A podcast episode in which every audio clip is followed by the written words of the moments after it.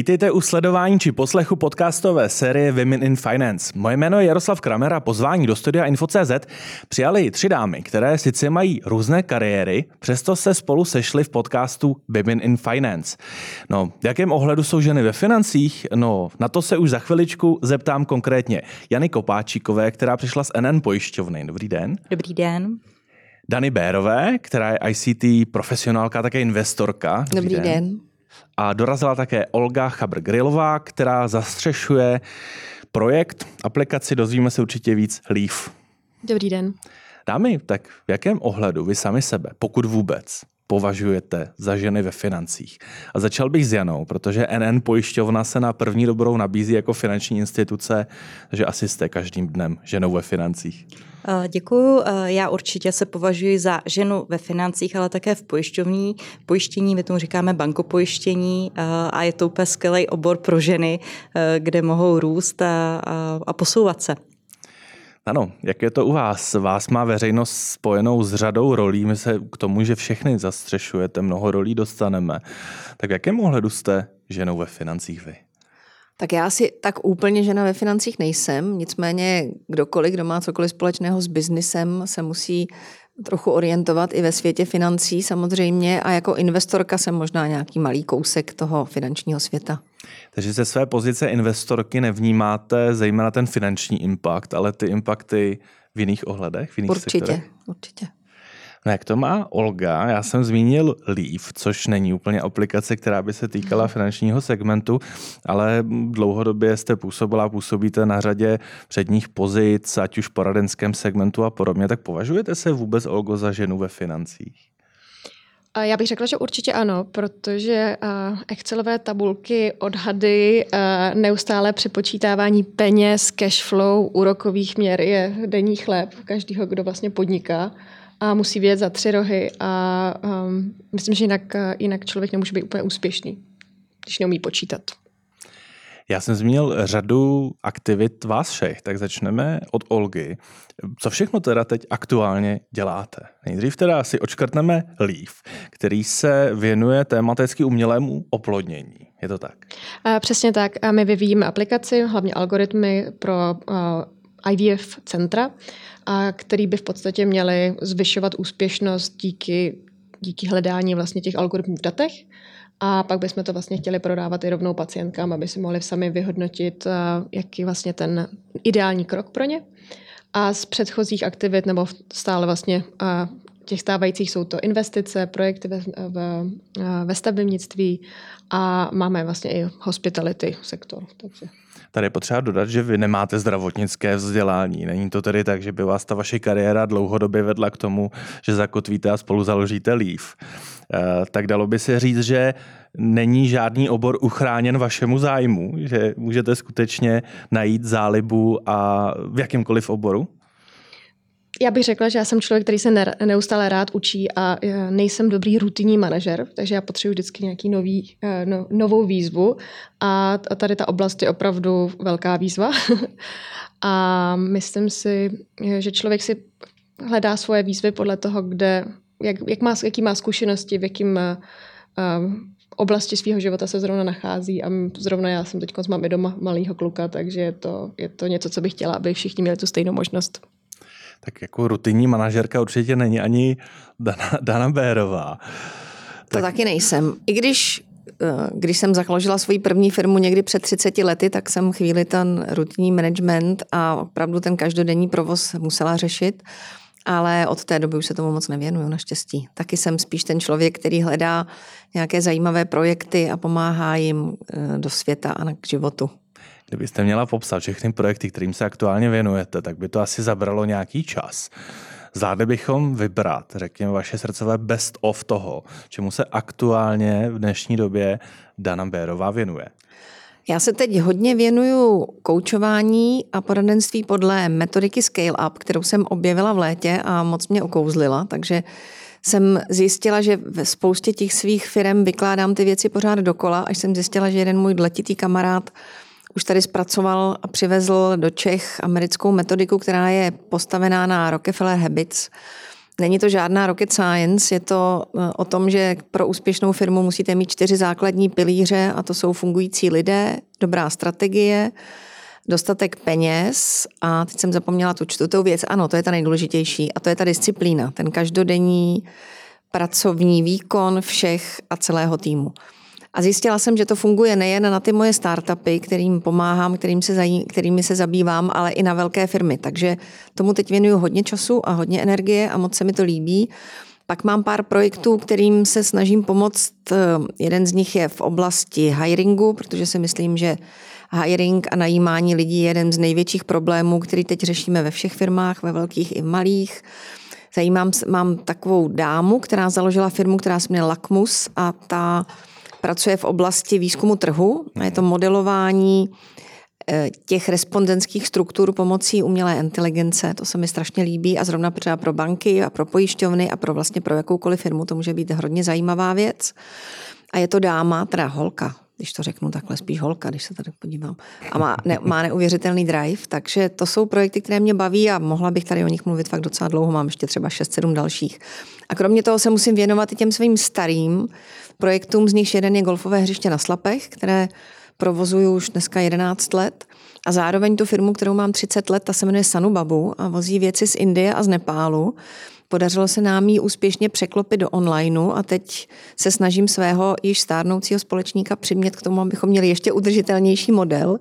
Ale je hrozně zajímavé, že nám dorůstá cílová skupina, že ti mladí si pořád kupují ty voňavé tyčinky a staří si kupují dražší nábytek a sochy a různé rituální předměty a je to hrozně pěkná věc. Takže by se taky dalo říct, že apetit toho, čemu se můžete věnovat, je vlastně nekonečný. No někdy je toho právě až moc a je potřeba se trošku zafokusovat, protože když děláte všechno, tak neděláte nic dobře. Tak to je můj dlouhodobý problém. Jana tady souhlasila, když jste říkala ty čtyři klíčové vlastnosti, které má mít každá úspěšná firma, tak předpokládám, že jste souhlasila kvůli tomu, že v NN se potkávají tyto vlastnosti. Určitě. Eh, eh, můj, můj bývalý šéf říkal, že firma je tak dobrá, eh, jak má dobré lidi a já se tady pod to podepíšu protože to je taková moje uh, vášeň tuhle chvíli, kdy kromě toho, že jsem uh, produktový vlastník za oblast uh, zákaznické zkušenosti a mám na starosti rozvoj portálu pro naše klienty, tak aby se mohli samoobsloužit a byli digitální, tak ta moje druhá role je ambasador za diverzitu a inkluzi.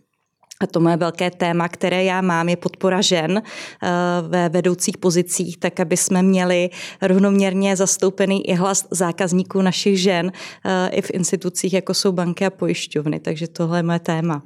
Vy jste do tohoto dílu eh, dostala ode mě pozvání ne proto, mimo jiné, určitě i za to, jaké máte úspěchy v rámci korporátu, ale také proto, že máte ještě takovou alternativní, já to nazývám kariéra, pro vás to mm. kariéra není, ale vy jste velmi aktivní a činná ještě v oblasti módy. Mm. Tak dejte nám trošku kontextu toho, jak si kompenzujete možná tu korporátní rutinu mm v oblasti módy?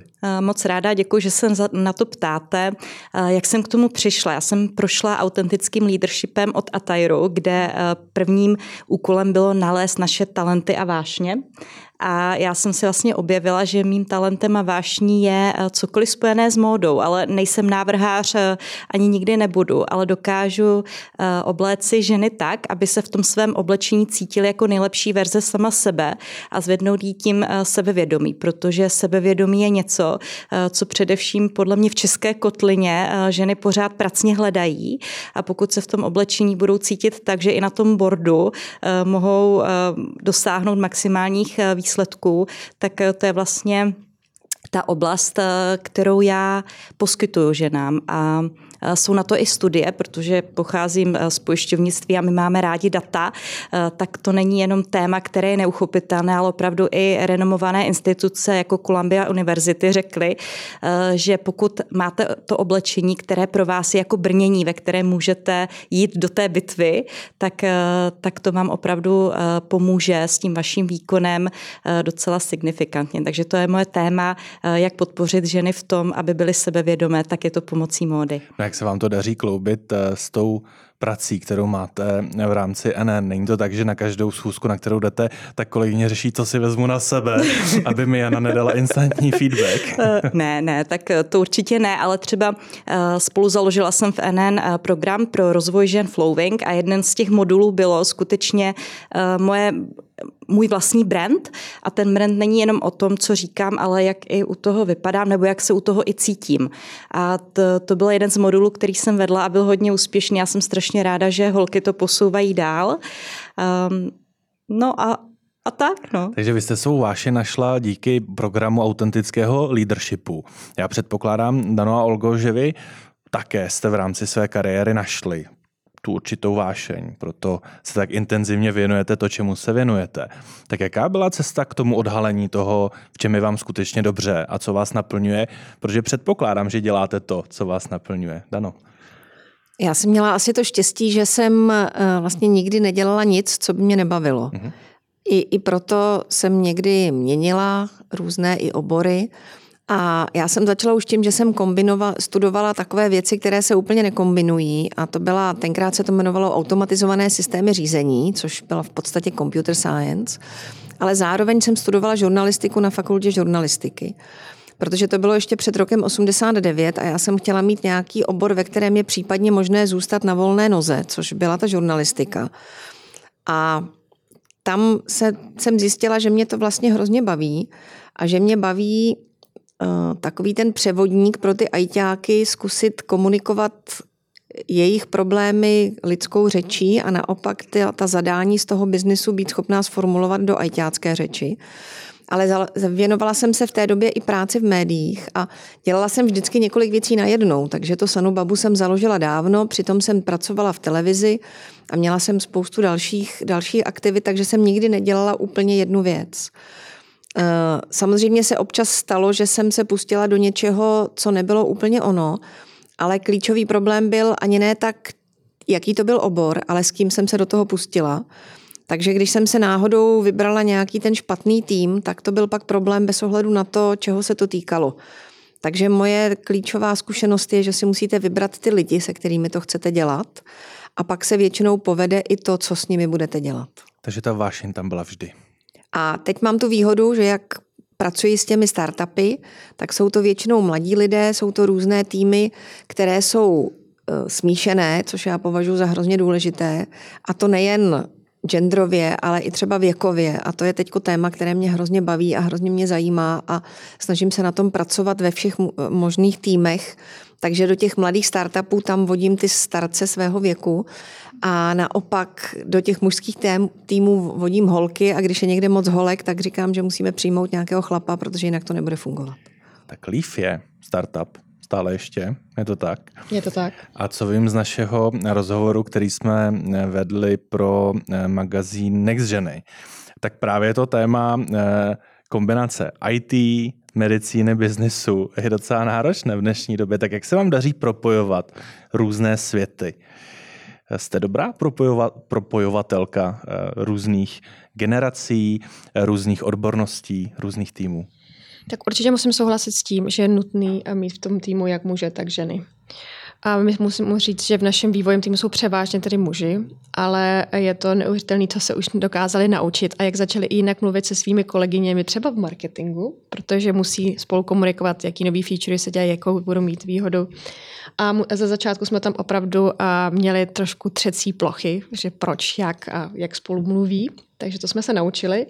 Pak do toho přišel v rámci komunikace s některými lékaři trošku i ageismus, což vlastně byl vlastně jiný pohled a to třeba nejenom mezi muži a ženy, ale i třeba mnohem silnější byl mezi ženou a ženou. A to se nám taky podařilo uh, nějakým způsobem zlepšit. A teď vlastně máme už krásnou symbiozu toho, že opravdu skvělý lékař vysvětluje našemu AI týmu, jak můžou pochopit oxidační stres. Oni mu to řeknou, jak by to teda udělali v těch číslech. A po 20 minutách máme eh, dva experty. Jednoho na data science, který byl lékař, nebo aspoň z jeho úhlu pohledu. A pak naše, naše eh, datové týmy, který eh, rozumí té medicíně. Takže musím říct, že bylo, chvilku to trvalo, ale podařilo se. To je krásný příklad na case study určitě, Dano, že? To by možná... No, určitě. Když tady byla řeč o těch více věcech, najednou více kariérách, dokázala, dokázala byste se čistě věnovat vždy jen jedné věci, anebo potřebujete mít rozehraných, řekněme, více partí? Musím říct, že ten pipeline se vždycky tam něco ještě najde, že dělat jenom jednu věc asi nebude úplně moje modus vivendi, ale snažím se teď hodně fokusovat, že to máme komplexní a vlastně ten, ten postup k, k úspěchu. A, ale určitě souhlasím s tím, že záleží vždycky na tom, s jakým člověk pracuje, s jakým týmem. A, a čím víc komplexní ten tým je, tak se máte neustále co učit a to je skvělý. Mít tam trochu i ty pokory a vyslechnout. Pokud je o složení týmu, je to tak, že člověk proto musí mít nějaké nadání, anebo se to skutečně dá naučit, abyste velmi rychle poznali, koho si do toho týmu vzít a koho nevzít. Začneme od Olgy. Měla jste proto vždy nadání, anebo skutečně je to těžká cesta, musíte se to učit a máte pocit třeba, že se to nikdy nenaučíte?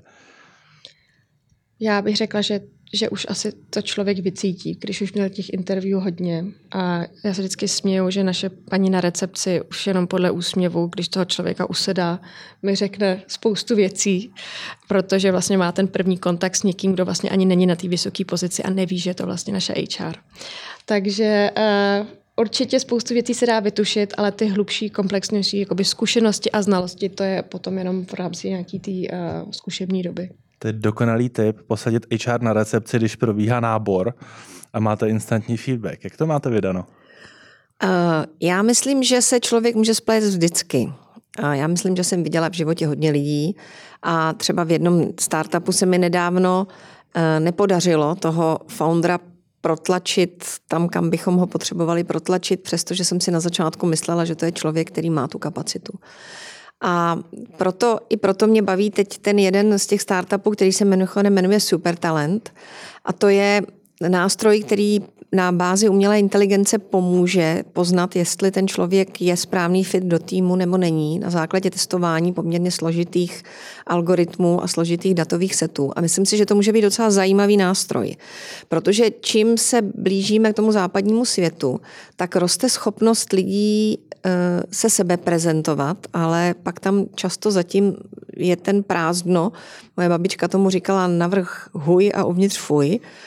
A teď zrovna, jak jsem ráno snídala eh, se svým eh, kamarádem, kterého mentoruji, tak ten mi zrovna vyprávěl, jak ve svém vedení týmu má obrovský problém, že tam má jednoho naleštěnce, takovéhohle, o kterém si všichni myslí, že je skvělý, ale on vůbec neperformuje.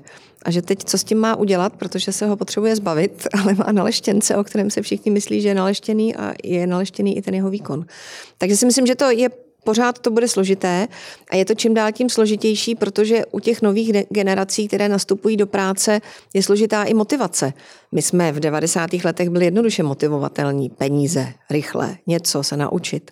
Teď už to tak zajímavé není, protože ty další generace vyrůstají v dostatku a priority mají úplně někde jinde. Takže myslím si, že ta práce s těmi lidmi bude čím dál tím složitější. Jano, jak se v korporaci zbavit na leštěnce? Je na to vůbec nějaká cesta? Tak jako je jich tam hodně, to si nebudeme lhát. Na druhou stranu, já myslím, že se nám to daří i pomocí firemní kultury. Pokud ta kultura je dobře nastavená a je zdravá, tak takovéhle naleštěnce ta kultura vyštípe sama. A bych položil stejný dotaz, jako měli dámy. Máte i vy za to, že máte nadání rozpoznat, kdo bude dobrý fit eh, do vaší firemní kultury, anebo mm. se to člověk musí pracně učit? Já mám já bych řekla, že když se spolehnu na svoji intuici, kterou ale rozum často za, jakoby zastřeš, zastraší, tak tak ano, vycítím to. Na druhou stranu je podle mě důležité si uvědomit, co ten tým potřebuje, abych si nehledala k sobě jenom kamarády nebo kamarádky na kafe nebo na pivo, ale abych opravdu hledala ten správný profil, který potřebuju k tomu, aby ten tým fungoval skvěle. Jo, takže to je, občas je to i o tom egu, eh, že někde sedí proti mně někdo, koho bych si možná já osobně nevzala, ale ten tým eh, a ten projekt to potřebuje a to je eh, hrozně zajímavé téma. Možná intuice až po tom, co udělá prvotníček, umělá inteligence, je to nejlepší řešení. Jano, vy jste v jednom rozhovoru, ehm, nebo titulek toho rozhovoru zněl, najděte si svůj plášť superhrdinky, pomůže vám dosáhnout vašich cílů. Tak bych se toho rád chopil a zeptal bych se vás, dámy, kdybyste byli pomyslně superhrdinkami v vašich segmentech, tak co by byly ty vaše superhrdinské vlastnosti?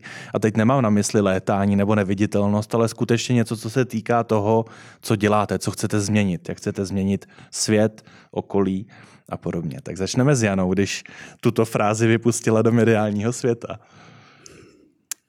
To je, to je hrozně zajímavá otázka, ale myslím, že důležité je, abych já jako lídr tvořila podmínky uh, pro moje týmy, aby oni i mohli růst uh, a zářit, protože já sama zmůžu jenom něco, ale dohromady jako celek můžeme akcelerovat růst a být mnohem lepší. Takže pro mě je to být skvělým lídrem, pro moje týmy, dát jim dostatek volnosti, ale pod zodpovědností a být pro ně příkladem. Přemýšlím, jak by se taková superhrdinka jmenovala, ale to si když tak můžeme říct po podcastu. Olgo, co by byly ty vaše superhrdinské vlastnosti? Já bych asi chtěla umět zlepšit celkovou komunikaci v té společnosti, ať je to mezi mužema a ženama, mezi různýma věkama, aby se opravdu, na, nebo růz, různými, mezi intelektuály a em, emancipovanými ženami, aby si prostě rovnou rozuměli. Mm-hmm. Aby vědělo A, co chce B, a aby to nebylo, tak někdy nejsme moc dostatečně přímočarý, když jsme přímočarý, tak zase někdo to bere jako by osobní útok. A vzniká tam spoustu, uh, spoustu nánosů, když v podstatě oba dva chceme to samé, akorát vidíme jiné cesty. Tak aby, aby se mi podařilo je srovnat, aby si pochopili na první dobrou, já bych byla spokojený manažer. To by bylo super. To, byste, to byste měla plný kalendář, kdybyste měla tuhle, tuhle schopnost. Tak co by vybrala Dana Bérová? Jo, tak by, takhle schopnost by se mi líbila taky. Já si myslím, že by bylo fajn, kdybych dokázala ocenit, odstranit předsudky a zbavit lidi zbytečného strachu. A to by byly dvě věci, které kdybych takhle jako se na vás podívala a už byste neměl žádné předsudky ve vztahu mm-hmm. ke starým, mladým ženám, dětem, nevím komu všemu, černým, bílým, zeleným. A zároveň byste se nebál a měl byste větší sebejistotu, tak to by byla krásná super vlastnost. To mě vede k dotazu, jestli se setkáváte, že ve vašem osobním případě někdy lidé mají předsudky. A jaké jsou takové ty, kdy pomyslně čekáte na to, až jim je budete moci vyvrátit, protože už to tak trošku čekáte. U vás možná na první dobrou by se nabízelo, že stále člověk vás má spojené, spojenou s určitými rolemi, které se třeba zastávala v minulosti a bude očekávat, že se podle nich dodnes budete chovat? Tak já myslím, že z předsudky se potkáváme, hlavně, hlavně se s nimi určitě potkávají mladé ženy v nějakých vyšších pozicích. Eh, moje generace měla hroznou výhodu, že u nás to nebylo tolik, protože tím, že ty starší byli často z různých ideologických důvodů odstraněni, tak se předpokládalo, že tam budou mladší lidé na těch pozicích ale když jsem pracovala v takové velké reklamní agentuře v docela top pozici a běžela jsem si tam v sobotu pro papíry v kraťasech a v tričku, tak vrátný naměřoval ty krávo, kam letíš, pardon, protože mě nepoznal v první chvíli. A pak říkal, je, je to jste vy, paní ředitelko. Takže takhle to jako vypadalo asi trošku. A samozřejmě těch předsudků uh, má spousta lidí, tak Spousta lidí má pocit, že když byl někdo ministrem kdysi, takže se s ním nedá mluvit normálně, že se s ním nedá mluvit o politice, anebo že s ním nemůže být žádná legrace. Tak to myslím, že máme všichni takovou zkušenost. Ano. Co byste vybrala vy? Možná i v kontextu toho, že zastřešujete to téma diverzity. Tak mm-hmm. člověk možná má předsudky, že budete za každou cenu třeba persekuovat muže v zájmu žen. Jo, určitě eh, to, to se nabízí. Každopádně já osobně jsem se setkala s předsudkem, kdy jsem se vracela zpátky eh, do práce a měla jsem doma tříměsíčního syna, eh, takže ty předsudky, jaká jsem kariéristka a kdo se mi postará o dítě, eh, můj syn má i svého tátu, že? takže tohle je třeba předsudek, se kterým zejména v České republice se setkávám dosud a snažím se jak holky ve svém týmu, tak i v okolí podporovat v tom, aby ty návraty pro ně byly hladké, flexibilní flexibilní a nebáli se vrátit, když oni chtějí. Tak já myslím, že ani Olga není taková úplně tradiční maminka na mateřské, je to tak? Já to těch předsudků, předsudků občas neužívám. Mm-hmm. Třeba všichni si řeknou blondýna, tak já můžu parkovat fakt blbě. jako co? ne, ale určitě spíš se snažím asi uh, ve svém okolí těm, kteří s tím opravdu bojují, pomáhat a vysvětlovat jim, že v podstatě žijeme svůj vlastní život A jestli někdo na nás chce házet nějakou negativní energii, protože má nějaký předsudek, tak jako good luck, ať si to užije. A jako nemám asi nějakou potřebu to vyvracet, spíš ujišťovat ty ostatní, kteří by se taky chtěli třeba mít chůvu občas, že je to o tom správném nastavení, aby jsme jako rodina se v roli ro, té matky se cítili dobře, v roli té podnikatelky, v roli té zaměstnanky, každý jak to má. A prostě mít aspoň na těch ramenou v tomhle klid. Holgo, vy jste stále ještě nedávno získala ocenění eh, Top CEO žena Česká. Technologie jenom? Nebylo to tam moc. Dodal bych v kategorii, v kategorii technologie, ale pořád je to nějaké ocenění v rámci skupiny, skupiny několika žen, které tu cenu dostali. To mě, eh, samozřejmě nebudu se vás ptát pozoru sportovních komentátorů, jak se cítíte, jaké máte eh, pocity tady po předávání, ale spíše co je pro vás skutečným oceněním toho, co děláte? Je to to, že převezmete cenu, která byla třeba objektivně vybrána, nebo to, že vám vaše děti řeknou, hele, mami, dobrý, to nevím, jestli jde třeba ve třech měsících, ale náznaky můžou být, anebo je to něco úplně jiného. Tak co je pro vás to skutečné rizí ocenění toho, co děláte? Já jsem poslala hnedka fotku té ceny našemu CTO, protože přece jenom je to jeho cena a, mě, a, a prý jsem ho úplně dojela. Takže to byla radost a ten tým to nejvíc ocenil. A já jsem měla hroznou radost toho, že ten tým má takovou radost. Měli mnohem větší radost než já. Mm-hmm. Takže vlastně asi, asi to, že to bylo ocení jejich práce. Co by vybrala Dana? Ale já mám už, asi je to trošku sobecké, ale pro mě už je důležitý jenom můj dobrý pocit. Já vlastně tím, jak jsem i byla v některých těch hodně viditelných rolích, tak jsem si uvědomila, kolik těchto těch cen a vyhlášení a všeho možného je skutečně jenom často formální, tím vůbec nechci snižovat tuhle cenu. A gratuluju. Ale eh, uvědomila jsem si, že pro mě je prostě důležité to, jak to cítím já a že konec konců člověk nejlíp sám ví, jestli dělá něco dobře nebo dělá něco špatně.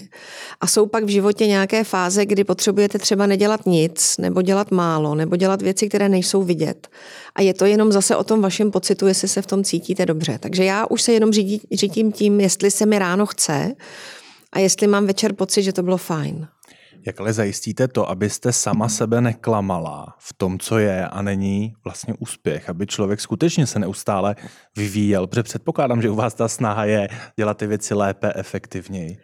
Tak to zase taky poznáte, když musíte mhm. vystupovat z té komfortní zóny a učit se nové věci a učit se nějakou komunikaci, tak, tak to prostě poznáte. Já třeba teď mám ještě jedno velké téma a to je ta ženská solidarita, protože jak jsme tady zmínili, tak velký problém těch žen je, že si nedokážou pomoct navzájem. A sice o tom všichni mluví, ale když pak dojde na to v reálu a nejen v korporacích, ale i v menších firmách, tak je to velký boj. A to je taková věc, se kterou já jsem jako třeba dřív neuměla moc pracovat, protože já jsem měla tu výhodu, že moji oba rodiče měli kariéru už dávno a byli to takový jako celý sebevědomí lidé. A já jsem nikdy nepochybovala o tom, že jsem stejně chytrá, nebo stejně dobrá, nebo stejně schopná jako ti kluci. A nikdy mi třeba nedošlo, že to někdo může mít trochu jinak a spoustě těch věcí jsem nerozuměla. Takže to je třeba pro mě teď taková velká výzva, že si na to dávám hodně pozor a snažím se vystupovat z těch komfortních zón a nikoho nestrašit někdy svojí takovou jako dominancí, ale naopak vnímat citlivě některé věci. Jano, co pro vás je to rizí ocenění, a které vám dá potvrzení toho, že to, co děláte, děláte dobře? Mm-hmm. Tak já mám ráda ty data, takže já si většinou, když do něčeho jdu, eh, řeknu, jak poznám, že jsem v tom byla úspěšná. Jo, možná to zní trošku drsně, ale opravdu si nastavím ty své interní KPIčka, jak, jak se sama vyhodnotím, jestli jsem to zvládla nebo ne. A druhý je taky ten pocit, tady se podepisuji pod to, co říkala Dana, eh, pokud ta intuice, ten takový ty guts v tom, v tom břiše cítím, že to je dobře eh, a setká se to s těma KPIčkama, tak to je geniální. Možná jenom udat, krása dat je, že se dají vykládat různě. Tak jste objektivní v tom, jak se je vykládáte? Jste sama k sobě v tomto ohledu přísná? Ano, jsem. Eh, když už jste obě dvě zmínili ten dobrý pocit, tak co vám naposledy udělalo skutečně dobrý pocit? Věc, na kterou si teď na první dobrou vzpomenete a vykouzlí vám úsměv na tváři. A začneme s Danou, která toto téma vlastně přinesla. Tak já jsem třeba teď měla dobrý pocit po několika seminářích právě té nové scale-up metodiky, jak to krásně zafungovalo a jak se mi podařilo takový top management tým, opravdu velké firmy, 20 plus lidí, kteří byli zkušení a dospělí uh, přivést k tomu, aby začali naslouchat jeden druhému, aby společně formulovali nějaký problém a aby přišli na to, že co dělají špatně. Tak to jsem byla úplně nadšená. Olgo? Těžká otázka. Tam je tolik asi momentů. Nevím, asi bych teď neuměla vybrat. Takže je to celá plejáda momentů, které vám dělají Určitě souhlasím, radost. Eh, že mít správně nastavený KPIčka, mít ten pocit, že se těším do práce, to je stoprocentně to co, to, co mě každý den pak neustále nutí ještě něco vymyslet. A, nebo nenutí, je to ten drive tam a, a vlastně tím vzniká. Ale na co bych byla teď nejpišnější, asi neumím vybrat. Ano. Já mám teď takovou eh, čerstvou zkušenost. Já mám skvělý pocit z toho, že jsem se nezalekla nové kariérní příležitosti a budu se přesouvat v rámci NN skupiny do Belgie, eh, kde budu řídit eh, taky digitalizaci. Je to velká výzva, na druhou stranu se na to strašně těším. Jelikož předpokládám, že jste, a sama jste to říkala, datově orientovaný člověk, tak předpokládám, že jste si udělala nějaké pro a proti, než jste na tuto výzvu kývla. To tak, víte, že jo, eh, mám celou svodku. Jak moc náročný proces to je, protože mnohdy se setkáváme s tím, že eh, dámy do těchto výzev nejdou na první dobrou bezhlavě. Nechci generalizovat, pro muže je možná jednodušší takové výzvy přijmout. Tak co byly ty klíčové argumenty, proč jste řekla ano a co byly možná ty největší obavy a my vám budeme přát, aby se vůbec nenaplnili? Ehm, tak eh, já jsem na to měla trošku času, protože jsem součástí eh, grupového rozvojového programu. Eh, jmenuje se to Accelerating Your Potential, takže v podstatě jako jak bychom to přeložili do češtiny, ale je to něco jako rozjďte svůj potenciál, naplňte ho naplno a ten program je desetiměsíční a tady tahle výzva eh, se nabízela od začátku, že pravděpodobně pro nás 40 lídrů, které vybrali ze skupiny, eh, nějaké takovéhle výzvy přijdou. Takže už když jsem se hlásila do toho programu, tak jsem někde počítala s tím, že to může přijít a byla bych sama proti sobě, pokud bych se té výzvy nechopila. Takže to byl první začátek být tomu otevřená. A druhá je v rámci toho eh, celého programu, tak eh, my si ty svodky děláme, děláme si i takovou odpočet toho, kde jsou naše silné stránky, kde máme prostor pro zlepšení a pracujeme s tím vědomně. Takže já jsem si prostě tohle sepsala a řekla jsem si, za jakých okolností jsem ochotná jít kam, do jaké země, co se tam chci naučit a především taky mám i syna, na kterého se musím koukat, takže jsem hledala i příležitost, kde i já můžu akcelerovat jeho potenciál. Dámy, vy obě dvě máte zkušenosti s určitým mezinárodním přesahem, tak kdybyste měli vybrat možná jednu radu, na co se připravit, pokud chci uspět v zahraničí anebo být tam více aktivní, tak co by to bylo? Takové mini mentoringové kolečko. Dano. Tak já myslím, že je potřeba si říct, že nikdo není kvalifikovanější jenom proto, že mluví dokonale anglicky. To je první důležité know-how, které, se kterého máme často všichni problém. A druhá věc je, že na začátku, když přijdu do nějakého cizího prostředí, tak je dobré to pozorovat nějaký čas a přistupovat k tomu bez předsudku. Protože pak zjistíte, že ve většině těch biznisů dneska jsou ty týmy různě smíšené, jsou různě mezinárodní a že to je vlastně mnohem jednodušší, než se to zdálo původně. Olgo? Asi souhlasím s tím chvilku pozorovat to prostředí. Já když porovnám Ameriku s, a s Británií, kde IVF je a v podstatě na velmi vysoké úrovni, tak už jenom navázání těch kontaktů a vytvoření si těch vztahů probíhá úplně podle jiných pravidel. Byla jsem jakoby velmi překvapená, jak jiné to je. A tohle člověk musí přesně navnímat a naučit se tam plavat jako ryba v jejich rybníce a pak, pak, je, pak to jde snáže.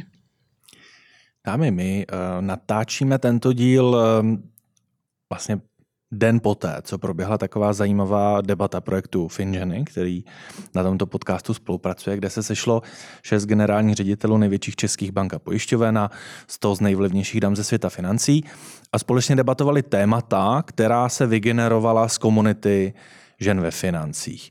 Eh, témata, které dámy, která dámy debatují v rámci rozvojového programu Fora Finženy.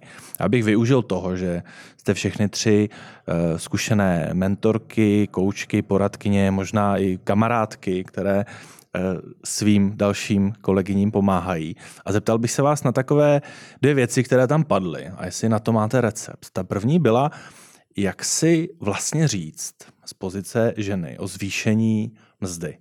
Protože podle mnoha dat Eh, je to pro ženy mnohem náročnější, eh, většinově se očekává nebo většinově získají určitou jako negativní reakci, že chtějí až moc, že jsou v uvozovkách nenasytné, pokud si říkají o zvýšení mzdy. Tak jestli vy máte nějakou radu, jak by si měly ženy říct o zvýšení mzdy? Směje se nej, nejlépe na mě Jana, tak, je, tak to zkusíme. Dobře, tak já vám zkusím říct můj recept. My jsme tohle měli zrovna na Atairu Leadershipu jako jeden modul, eh, protože je to skutečně téma pro ženy.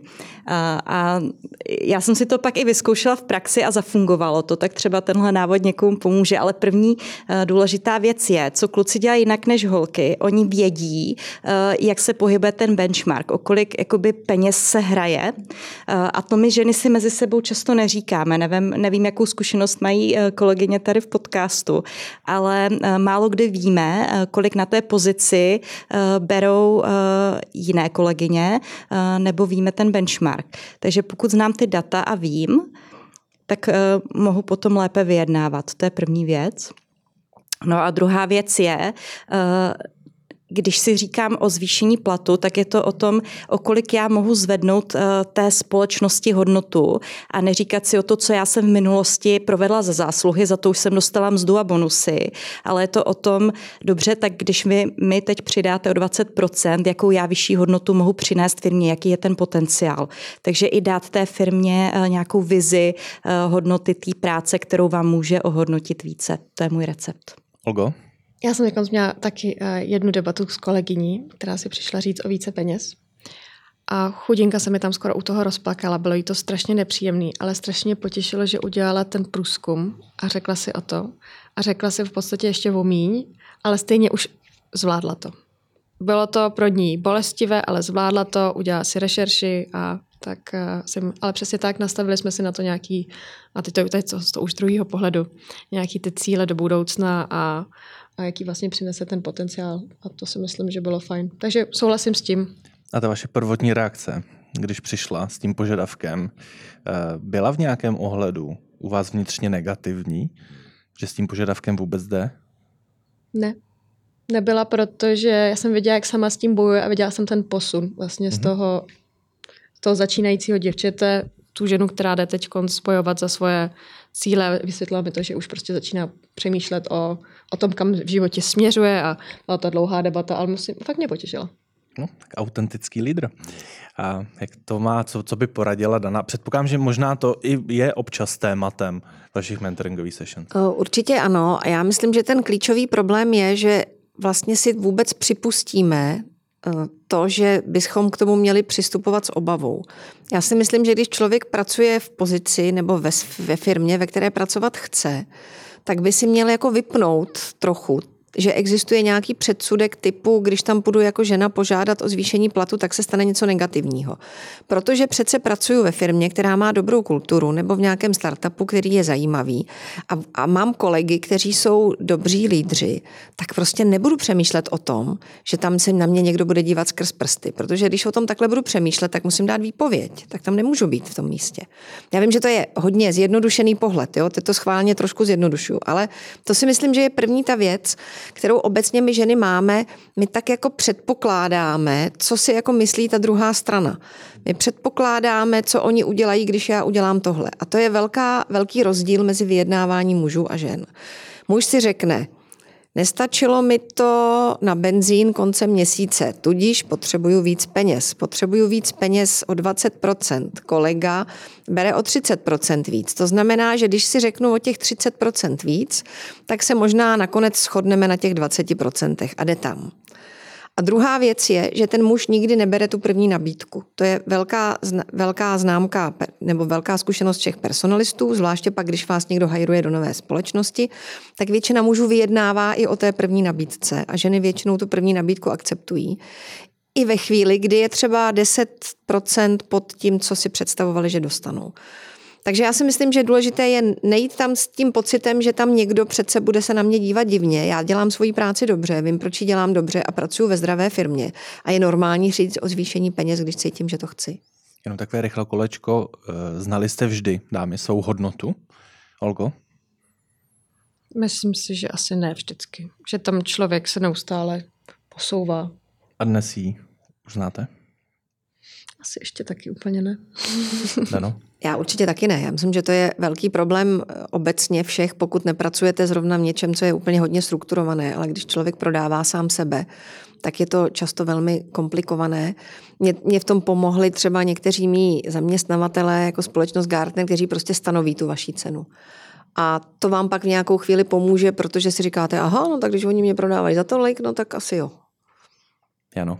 Já se po to podepíšu. Já myslím, že ta hodnota, eh, tak jak my se pořád rozvíjíme, nám roste, eh, takže je důležité se jako dívat na tom, eh, jaký je ten benchmark, ale aktuální hodnotu znám, ale jaká bude do budoucna, to se uvidí.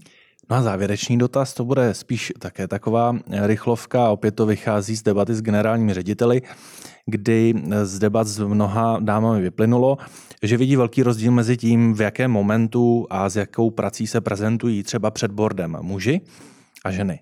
Že ženy potřebují mít odpracováno na hodně procent, 90 plus a mít jistotu, kdežto muži prezentují klidně v momentě, kdy na tom projektu odpracovali méně a klidně prezentují třeba i práci někoho jiného. Dva rychlé dotazy, jestli eh, jste vypozorovali za svou kariéru něco podobného a druhý dotaz je, na kolik procent si musíte být vy jisté, abyste něco odprezentovali. Začneme s Janou. Já už bych možná tady tu generalizaci muži a ženy tak neviděla, minimálně eh, u nás eh, v pojišťovnictví. Eh, spíš je to o profilech lidí jací jsou, myslím osobnostní profily, protože jsou lidi, kteří jsou spíš extrovertnější, rádi vystupují a dokáží i z ničeho udělat poměrně zajímavou prezentaci. Pak jsou tam lidi introvertnější, potřebují data, ty trvají, než dostanou a teprve potom výjdou ven. Jo, takže podle mě to je hodně o profilech. Můj profil v dynamice Ateiru je mechanik a můj benchmark je 120%, takže já vystupuji, když mám na 120% jistotu, uh, že to dám. Dano? Já souhlasím s tím, že to je více osobnostní nastavení a že čím více potkávám s mladými muži v různých startupech, tak oni trpí podobnou nejistotou, jako trpěli třeba dřív ženy. Takže bych taky si neřekla, že to je tolik dáno tou genderovou otázkou. Eh, já to mám tak, že já umím trošku upléct, jak se to říká slušně, z něčeho byč. Takže občas, občas se pustím do, do věcí, které nejsou úplně na 100% a umím to odprezentovat, jako že to těch 100% vypadá. Ehm, myslím si, že v některých fázích je to prostě důležitá vlastnost, protože eh, někdy potřebujete tu věc posunout a přesvědčit ty lidi, ať už i uvnitř toho týmu nebo, nebo zvenku, že to nakonec dopadne. Ale samozřejmě bych asi nešla prezentovat něco z 30%. A kromě toho si myslím, že schopnost umět věc prezentovat je jedna prostě z velmi podstatných věcí, kterou bychom my měli učit svoje děti. Eh, ne to úplně přehnat, ale je to důležitá znalost. Olgo, jak to máte vy? Já úplně souhlasím tady s názory dám. Já bych to ještě řekla, že pokud já půjdu na sales prezentaci, tak se tam potkám se spoustu lidí, kteří budou říkat věci z 60%, protože to je ten um. A pokud budeme někde opravdu dělat extrémní due diligence, tak tam prostě musí být 150%. A to jsou ty momenty, kdy prostě někde se to trošku přifoukne, aby to hezky vypadalo a, a někdy je třeba přesně ukázat a, a položit na, na, na stůl ty karty, jak to přesně je. Takže ta, ten nej, nejnižší level, ze kterým umíte dobře hrát, je 60%. Asi jo. Dáme díky moc, že jste si našli čas na podcast Women in Finance. Mými hosty byly Jana Kopáčiková. Děkuju. Dana, Dana Bérová. Taky děkuji za pozvání. A Olga Chabr-Grillová. Děkuji za pozvání.